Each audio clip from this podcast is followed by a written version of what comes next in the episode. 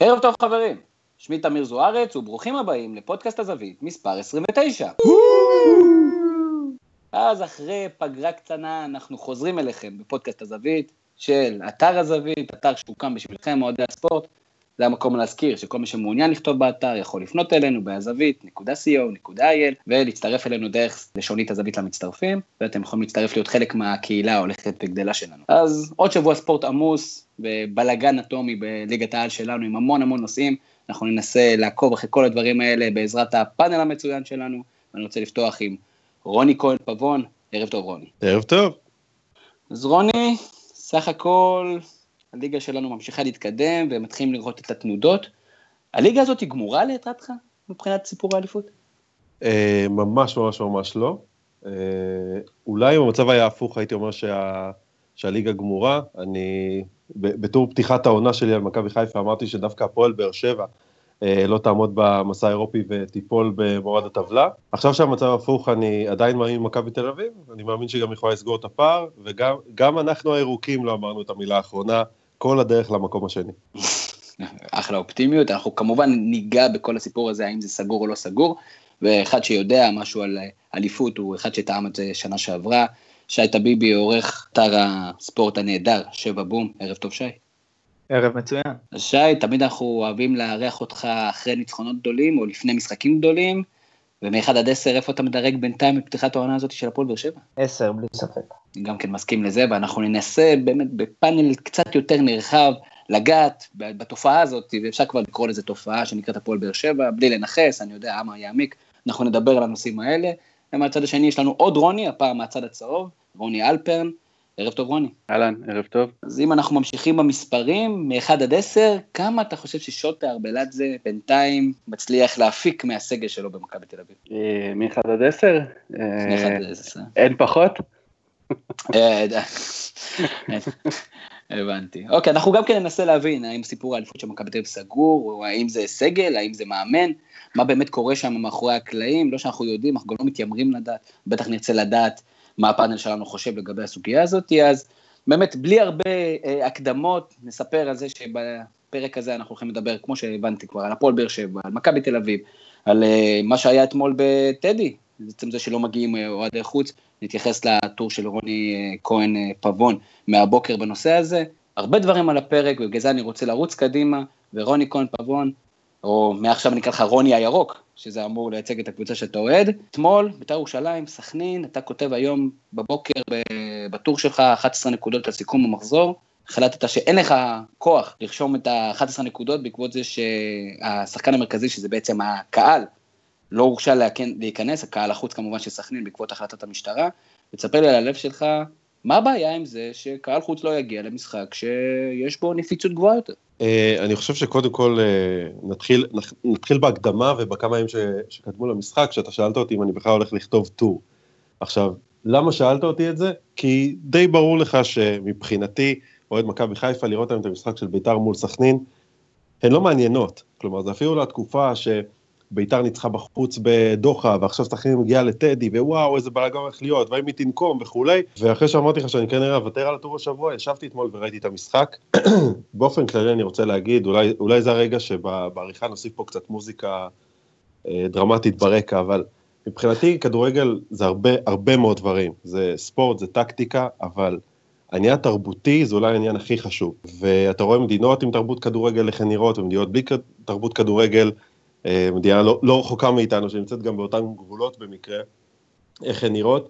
אה, ואחד מהדברים המשמעותיים שאתה רואה את המפגש התרבויות האלה אה, בא לידי ביטוי, זה מגרש הכדורגל, לראות קבוצה מול בית"ר, שיש לה אמירה פוליטית מאוד חזקה, אמירה תרבותית מאוד חזקה, מול סכנין, נציגת המגזר בליגת העל.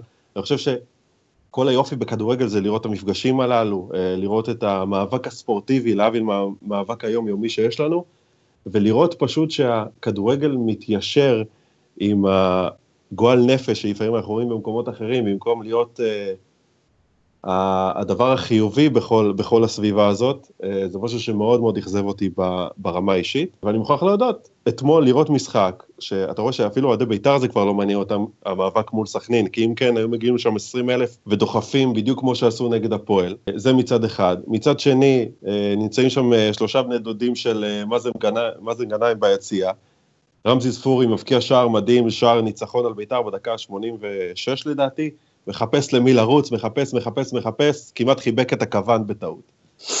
אה, בסופו של דבר, מבחינתי, זה לא כדורגל. אני מבחינתי בזבזתי אתמול 90 דקות, אה, על כמה דקות נטו משחק, אה, דיברנו כבר בנפרד, אבל זה פשוט בזבוז זמן מוחלט מבחינתי. זה לא, ש... זה לא הסיבה שהתכנסנו לראות כדורגל, זה לא מה שאני רוצה שהכדורגל שאני אוהב ועוקב אחריו ייצג, וחבל. ותודה שאתה לי להמשיך את המונולוג, אני פשוט מתחבר לנקודה הבאה. אני, אני, אתה יודע, רוצה לעצור אותך לא. בשלב מסוים, אבל אתה כל כך נלהב שאני לא רוצה לא, להיכנס לך לקו האש. אבל כמו שאמרתי, אה, עצם העובדה שמשחקים סופר נפיצים, ביתר נגד הפועל, מכבי תל אביב, הפועל תל אביב, אחרי פואד וכל הבלאגן שהיה עם ערן זהבי, מכבי תל אביב נגד מכבי חיפה, שגם יש מכות, אבל גם מצליחים איכשהו לעצור את זה, ולעצור גם to stop וגם לעצור to arrest את, ה, את המעורבים. יש פתרונות לדברים האלה, פשוט במקרה הזה הולכים על הפתרון הקל והמובן מאליו. למה? כי אלה ערבים ואלה לא מסתדרים עם ערבים, אז בואו נדאג שהם לא ייפגשו אחד עם השני. שי, מעניין אותי לדעת מה אתה חושב, הרי רוני מעלה פה נקודה שהיא ולידית כמובן, אנחנו כמובן שחלק מהעניין בספורט זה האינטראקציה עם הקהל, ואנחנו משחקים עבור קהל, מצד שני, באה משטרת ישראל ואומרת, אני לא יודעת לעצור את זה, אז מה, אנחנו מחכים שיהיה אירוע כדי שיהיה מה לכתוב עליו? אני מתחבר אה, ב-90% מהדברים שרוני אמר, הוא התחיל לומר משהו שנקטע ככה באמצע, על אה, העניין סביב המשחק, העניין והנפיצות שהעניין הזה אה, כביכול אה, אה, גורם. המשחק הזה כמובן לא מעניין, אה, ומי שמלבה את האש סביבו זה בעיקר התקשורת. כותרות בומבסטיות ופרסומות על, ה, על הקרב של המגזר, על רקע הכרמל הבוער.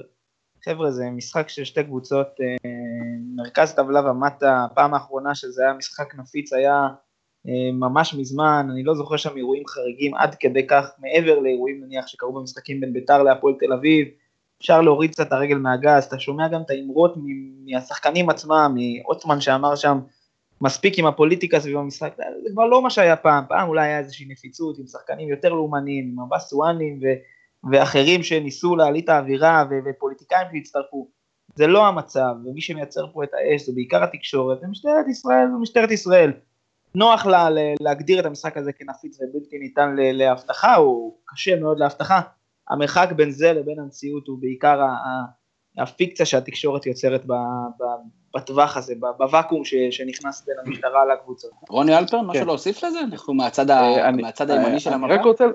אני רק רוצה לחזק את מה ששי אמר, זאת אומרת, אני גם רואה את זה שהתקשורת פה מנסה לעשות איזשהו, אה, איזשהו אה, עניין סביב המשחק הזה, כשבעצם כל העניין הוא לא באמת להביא יותר קהל למגרש או לגרום למשחק להיות יותר לוהט, אלא פשוט להביא עוד טראפיק לכתבות של לפני המשחק.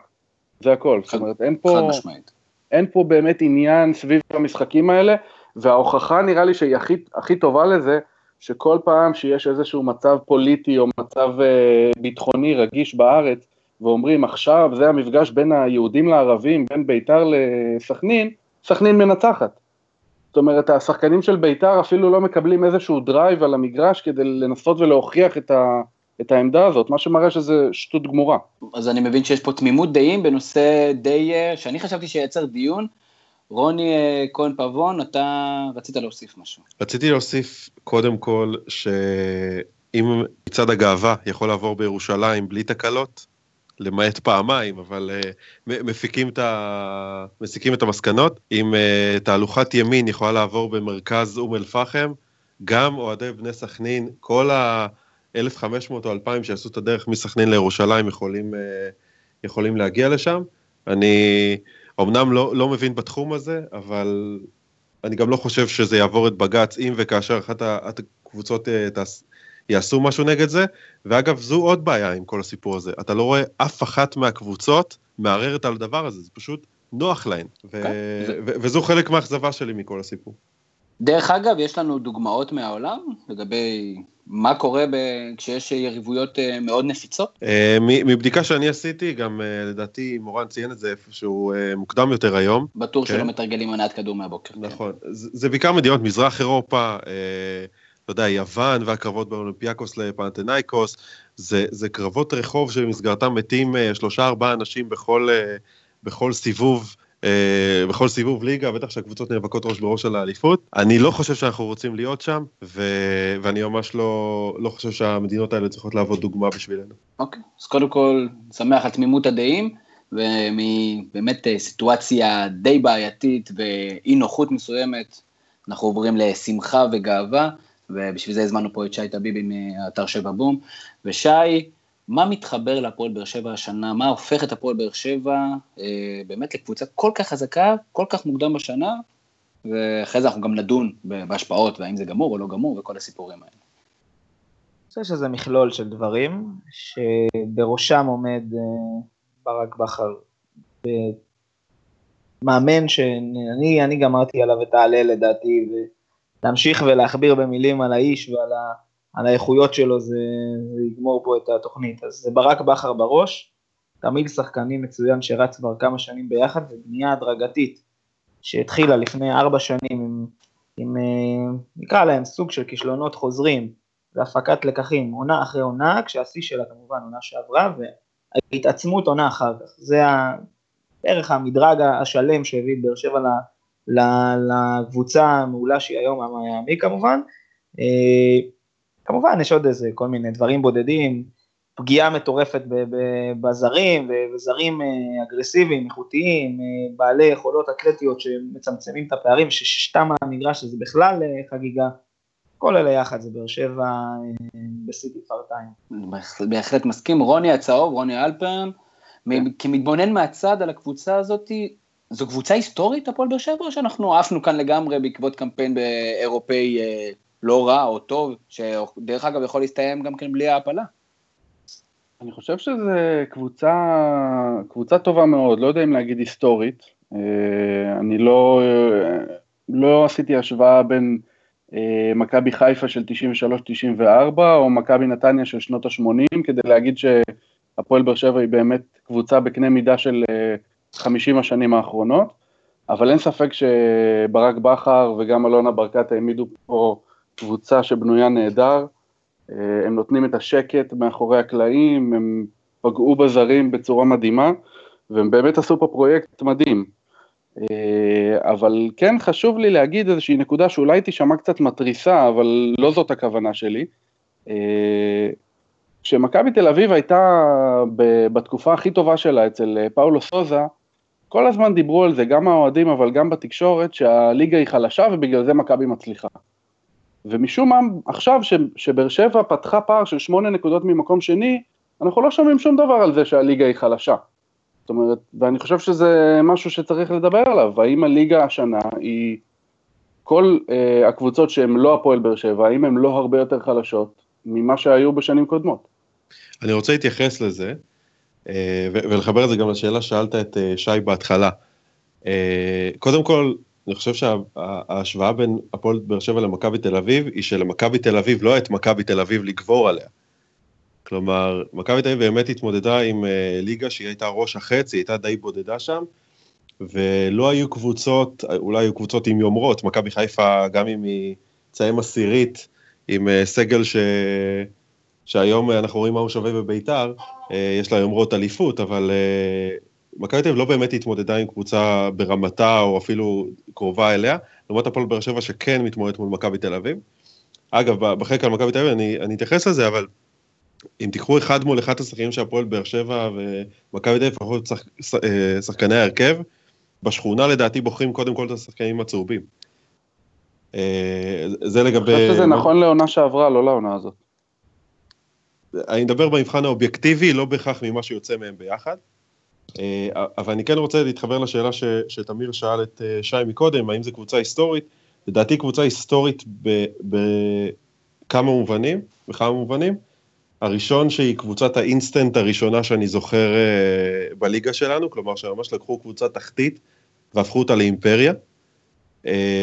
ושתיים, שזה הקבוצה שאני לפחות הכי זוכר שהתרגלה למעמדה החדש כקבוצה המובילה בכדורגל הישראלי, כי ראינו הבלחות, בעיקר קבוצות ש, שקיבלו פתאום השקעות, גיידמק, זאבי בזמנו בביתר, שפתאום הפכו להיות הקבוצה המובילה עם הכי הרבה אה, סיכויים לזכות באליפות, וכולם אה, מתחיל, מתחילים לסקר אותם ו, ולראות מה, מה קורה איתם ומה בוזגלו העלה באינסטגרם באותו יום. אה, הפועל באר שבע ממש מתאימה למקום הזה, ובגלל זה אני חושב שהיא גם תישאר איתנו זמן ארוך, ו, ופה המשמעות ההיסטורית שלה, על זה שהיא הולכת ללוות אותנו תקופה, תקופה ארוכה. קודם כל היא כבר מלווה אותנו, עצם העובדה שהיא רק לקחה אליפות בשנה שעברה, לא יכולה להשכיח את זה שגם בשנים עם אלישע לוי, הקבוצה ידעה להתמודד עם לחצים, ידעה להגיע למאני טיים. אה, ושלוש שנים לפני כן היא ניצלה מירידה. חד משמעית, אבל זאת אומרת, היא כבר נמצאת בנוף כבר כמה שנים, היא ללא ספק אחת משתי הקבוצות הכי גדולות בארבע, חמש שנים האחרונות, וזה משמעותי. שעה, אני חוזר אליך, בתוך הפאזל הבאמת מורכב מהמון שחקנים ועם כוכב אחד גדול ששולט ברק בכר וכמובן אלונה ברקת ברקע, מי הם שניים שלושת השחקנים המשמעותיים ביותר בפאזל הזה? טוב, בלי ספק אנחנו, אה, זה יהיה קונצנזוס לומר שזה מיגל ויטור, במרכז ההגנה יחד עם שיר צדק, קשה לי קצת להפריד את שיר מהצמד הזה, למרות שמיגל הגיע העונה וקצת אה, דחק אותו הצידה. זה ג'ון אוגו במרכז השדה, ובהתקפה נורא קשה לי לבחור, טבעי לומר אה, שזה טוני וואקמה, בלי ספק השחקן הטוב בכדורגל הישראלי, אבל אני חושב שזה, בהתקפה אני מחלק בהחלט את, ה, את המשקל בין הטריגו וואקמה, בוזגלו, מליקסון, כאשר כמובן בפן של המספרים אז טוני, ו, טוני ומאור בוזגלו מעליו. אה, זה בדיוק העניין, שיש שלושה עמודי תווך, אבל אחד מהם חסר או שניים חסרים, אתה לא באמת רואה איזושהי אה, נסיגה מאוד גדולה ביכולת, להבדיל למשל מהשנה שעברה שזה היה מאוד משמעותי. קבוצה אה, עובדת על אוטומט, אתה רואה שחקנים שעולים אחרי כמעט עונה שלמה בבית, כמו מוחמד גדיר, ונכנסים בשבוע ללופ, זה הרבה הרבה יותר משניים שלושה שחקנים, כמובן שהם השחקנים מובילים, אבל זה באמת, השלם במובן הזה גדול מסך על הכף. רוני אלפרן, אוטוטו ינואר, הפועל באר שבע צריכה לחזק משהו, או לא לגעת? האמת שהעומק של אה, הפועל באר שבע הוא לדעתי החלק המשמעותי של השנה.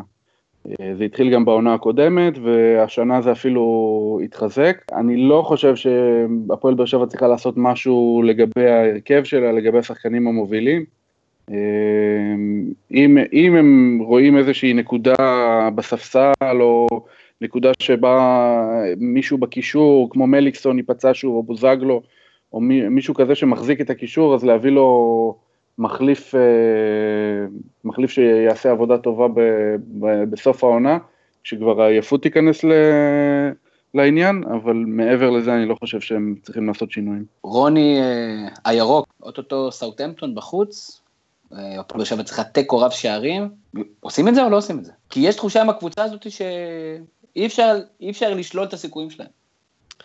אה, זה נכון בהחלט, אני, עצם העובדה שהם ניצחו את אינטר במשחק שהיה חשוב לאינטר לנצח, אה, כלומר, שבוע לפני הייתי אומר, זה, זה, זה לא באמת יכול לקרות, זה, זה טעות במספרים או בסדרי המשחקים, אבל אה, לחזור, עזוב לנצח, לחזור מפיגור 2-0 ולנצח זה בכלל מרשים.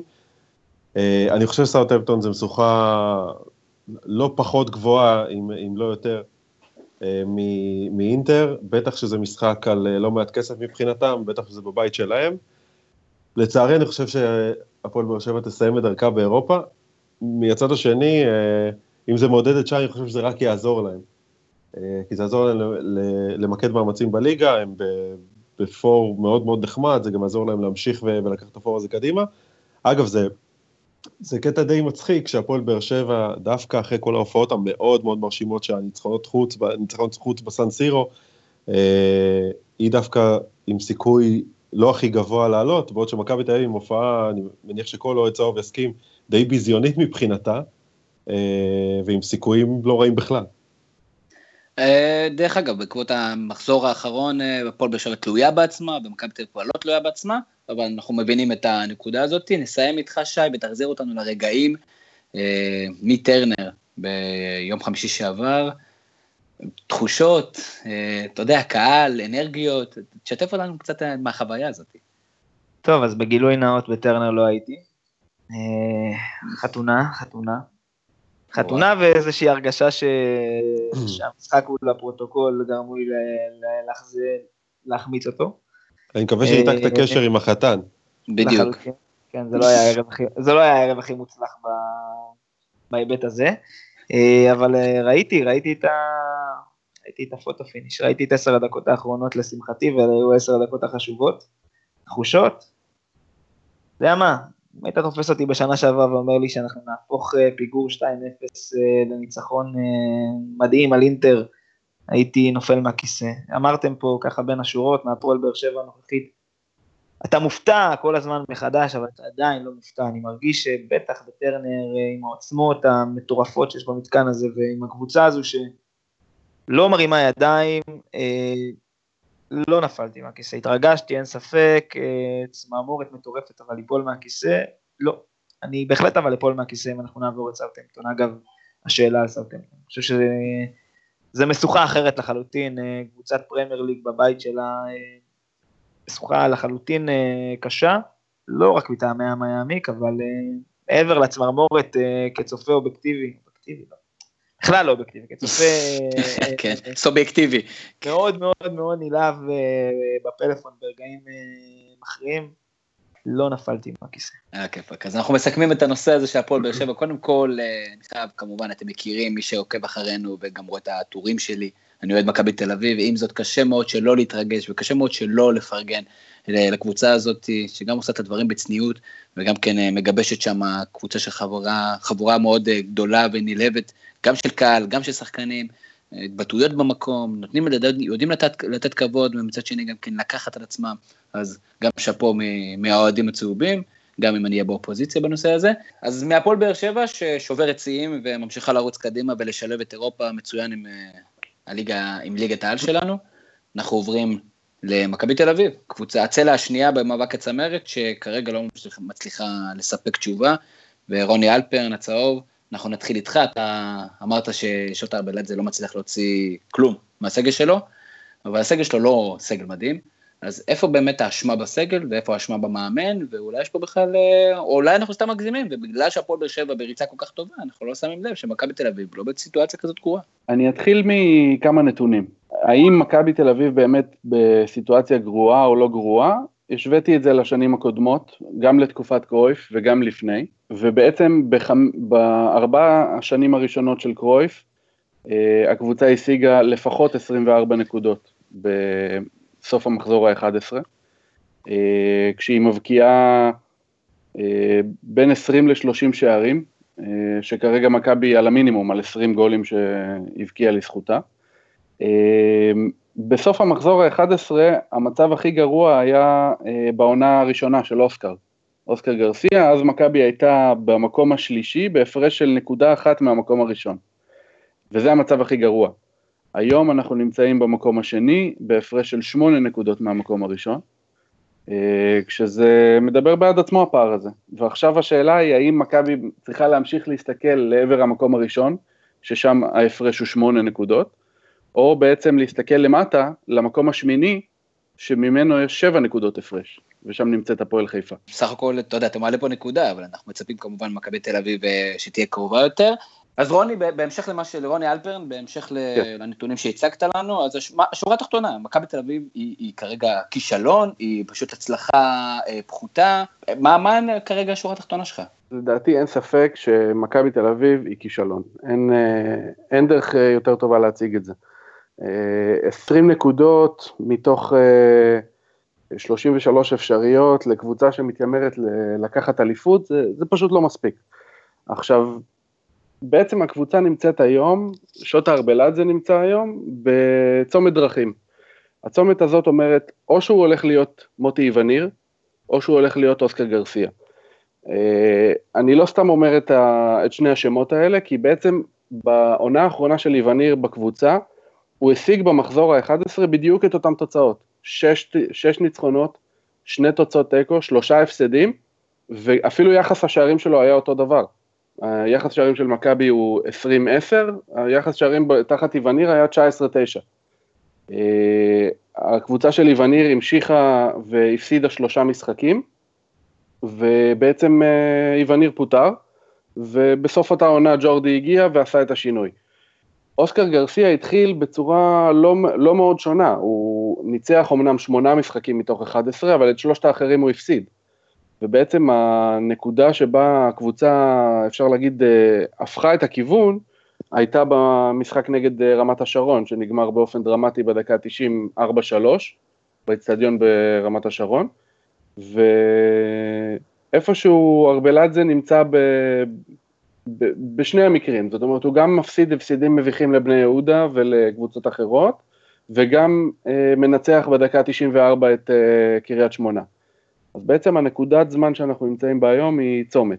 אה, האם ארבלדזה יוכל לקחת את הקבוצה ולעשות ממנה אה, קבוצה של אוסקר גרסיה, קבוצה שרצה לאליפות וסוגרת פער של שמונה נקודות, או שהוא ימשיך בקצב הזה והוא לא יזכה לראות את ינואר. אוקיי, okay, רוני אה, פבון, אנחנו מדברים על מכבי תל אביב, סך הכל עדיין בחיים באירופה, ועוד יכולה לעשות הישג מאוד יפה עם תעפיל.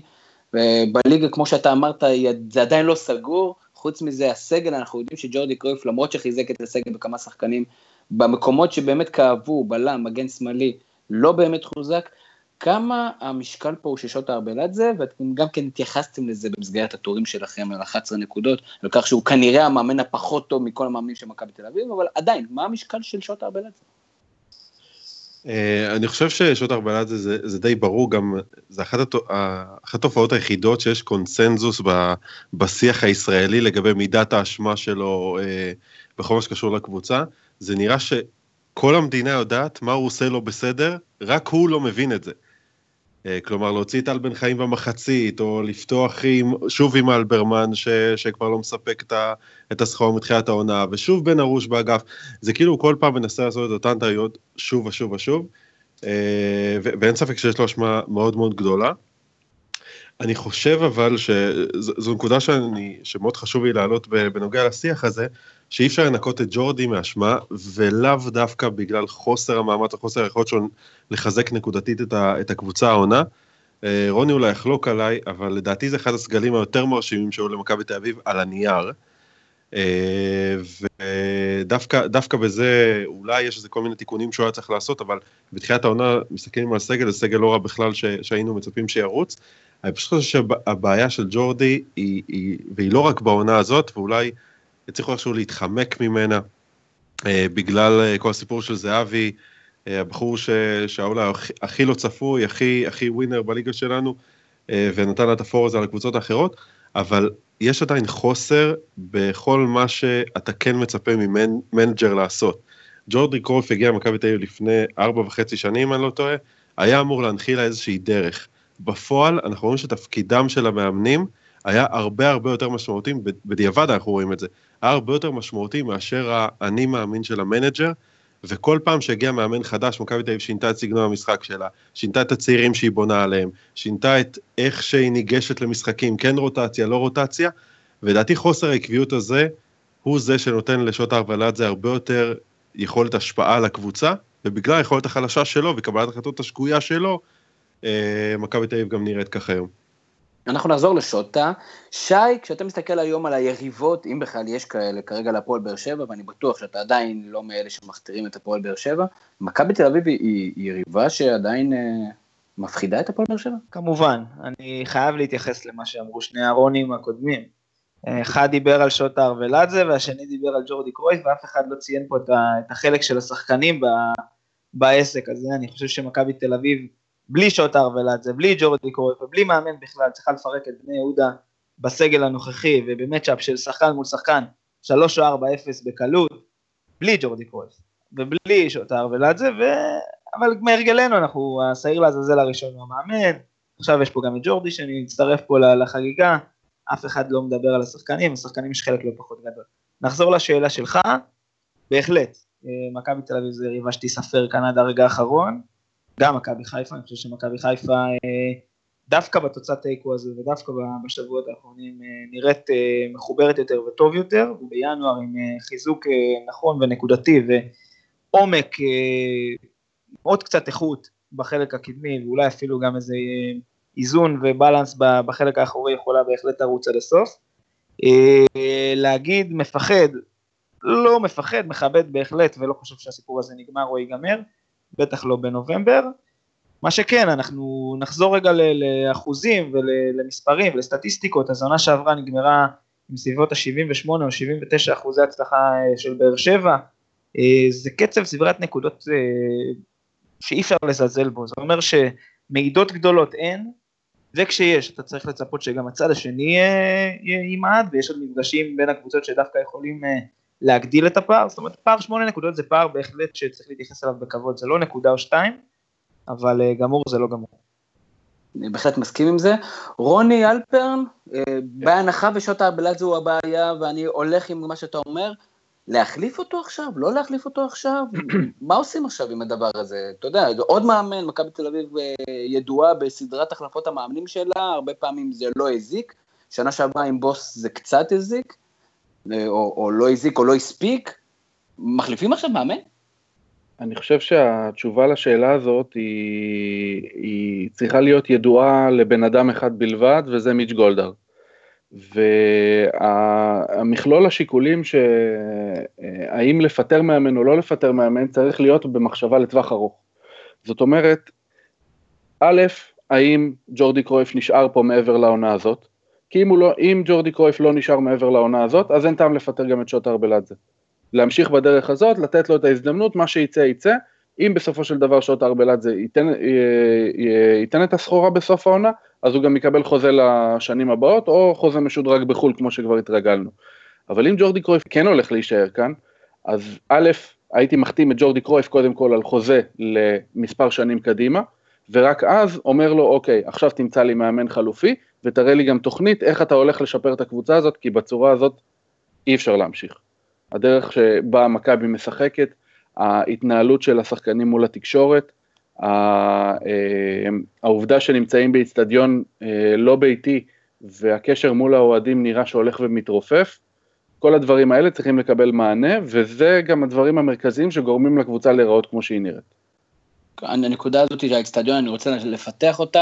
רוני כהן פבון, כמה האיצטדיון העירוני בנתניה שמהווה את הבית של מכבי תל אביב השנה וכנראה בשנתיים הקרובות, כמה הוא משפיע על צבירת, קצב צבירת הנקודות של מכבי תל אביב? האמת שזו אולי דווקא שאלה לעוד צהוב. אה, כעוד ירוק אני יכול להגיד שבטח בטלוויזיה זה, זה זוועה לראות את זה אחרי שאתה מתרגל לבלומפילד.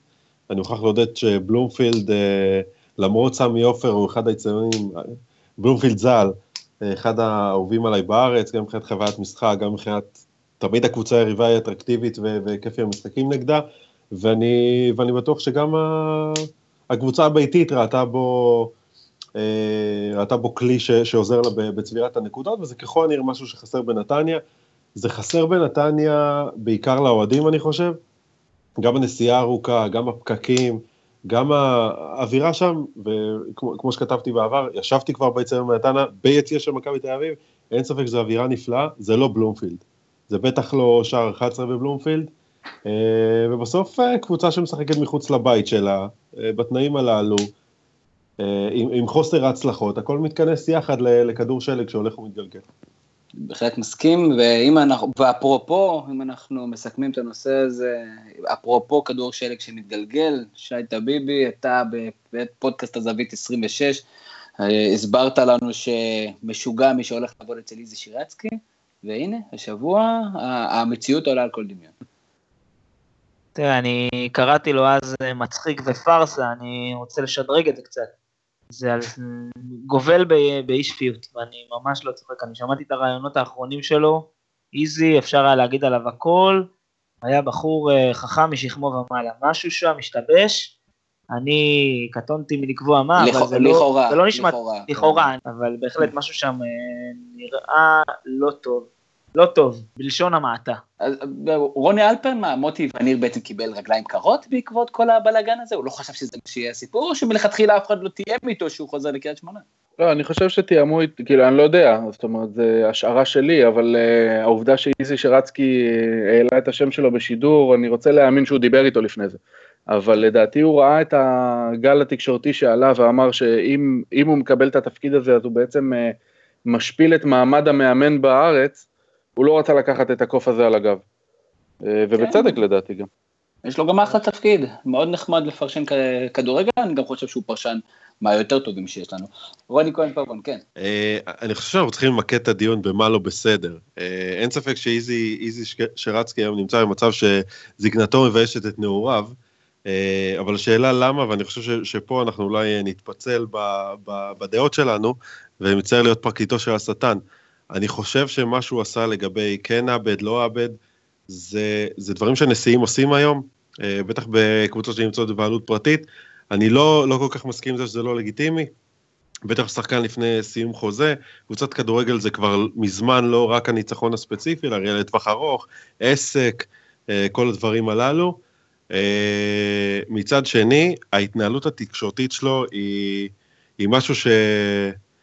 כמו שנאמר קודם, אה, אולי לאנשי המקצוע הפתרונים, ו, ו, ופה הבעיה, כלומר, זה שאתה מפטר מאמן כי הוא לא מתיישר עם הקו שלך כקבוצה, כחברה, כ, כתאגיד, זה דבר אחד, הוא בסדר, גם פלורנטינו פרז, הנשיא, הנשיא החזק בעולם, במועדון העשיר בעולם, אה, הכריח את, אה, את בניטז להכניס את חמז אחרי שכל השנה הוא, הוא סופסל, להכניס אותו לקלאסיקו והוא קיבל ארבע חתיכות ואף אחד לא האשים את הנשיא.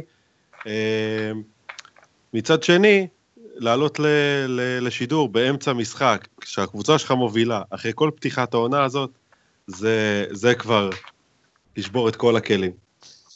אז אה, אם אני מסיים את הסאגה הזאת, אם אתה תומר קשטן, אתה לוקח את התפקיד או לא לוקח את התפקיד, עם סיכוניו הנלווים? לתומר קשטן, ככל הנראה לא תהיה עבודה, בטח לא במעמד כזה אם הוא יעזוב. אני יכול להבין למה הוא קיבל את התפקיד. וכל מי שמהלל את מוטי וניר, א', איזי שרצקי טוען שהוא דיבר איתו לפני והוא הסכים לחזור, ב', מוטי וניר הוא פרשן בערוץ הספורט, הוא מאמן עם מעמד מסוים בכדורגל הישראלי, לכל הפחות פרשן עם מעמד מסוים, הרבה יותר קל לקבל את ההחלטה שאתה מוטי וניר, לא הייתי מקדים ומבקר את עומר קשטן ש... שנפלה לו הזדמנות חייו. אני גם כן מסכים עם זה, בסופו של דבר לאמן בליגת העל ולחזור לבמה המרכזית, ואיזי שרצקי עם כל המגרעות, וציינו, לדוגמה, יש לי ביקורת גדולה מאוד על רעיון המחצית הזה, שזה סוג של, הנה תראו, אני עושה את זה כי אני יכול לעשות את זה, ו... אבל מצד שני, הוא כמובן מאוד חשוב לספורט הישראלי, ויהיה מאוד חבל אם הוא יעזוב את אה, עירוני קריית שמונה בהתאם למה שהוא אמר. אני חושב שהקדשנו לזה, וגם כן התקשורת בכלל הקדישה לזה לא מעט דברים. ומהנושאים האלה אנחנו עוברים אה, לשאלת הבונוס שלנו. שאלת הבונוס שלנו היום היא לגבי סטיבן ג'רארד, שהשבוע פרש מכדורגל. יש שיגידו שהוא פרש כבר לפני שנה וחצי, אבל הפעם הוא גם תעלה את הנעליים. ואני פותח איתך, רוני אלפרן. אה, איפה סטיבן ג'רארד ייזכר בעוד 15-20 שנה? האם הוא יהיה עוד שחקן אנגלי אה, שכוח אל, או שכאחד הגדולים של הרשות המדים של הליגה, בליגה האנגלית?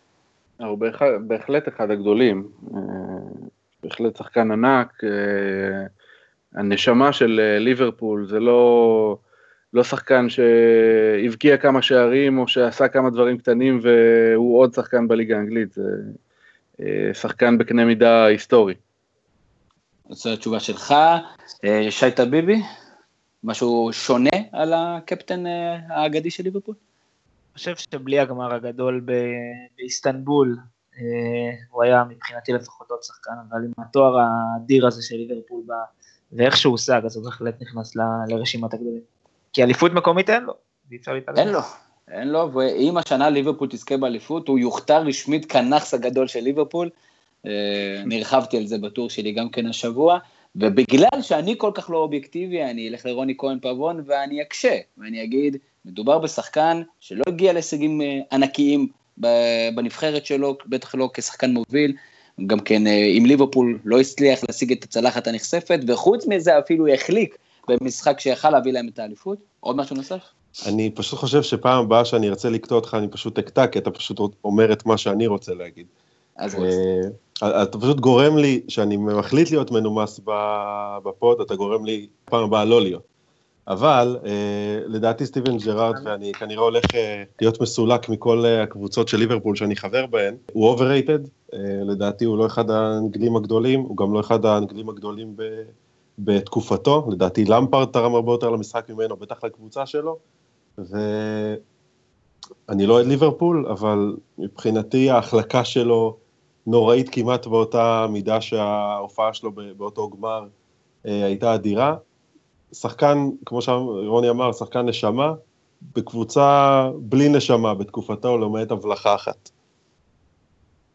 אז אה, הרשה לי לא להסכים, אבל כמובן מקבלים את הדעה שלך, וטוב שיש לנו גם כן ריבוי דעות, עוד יחשבו ששילמתי לך על ריבוי הדעות הזה.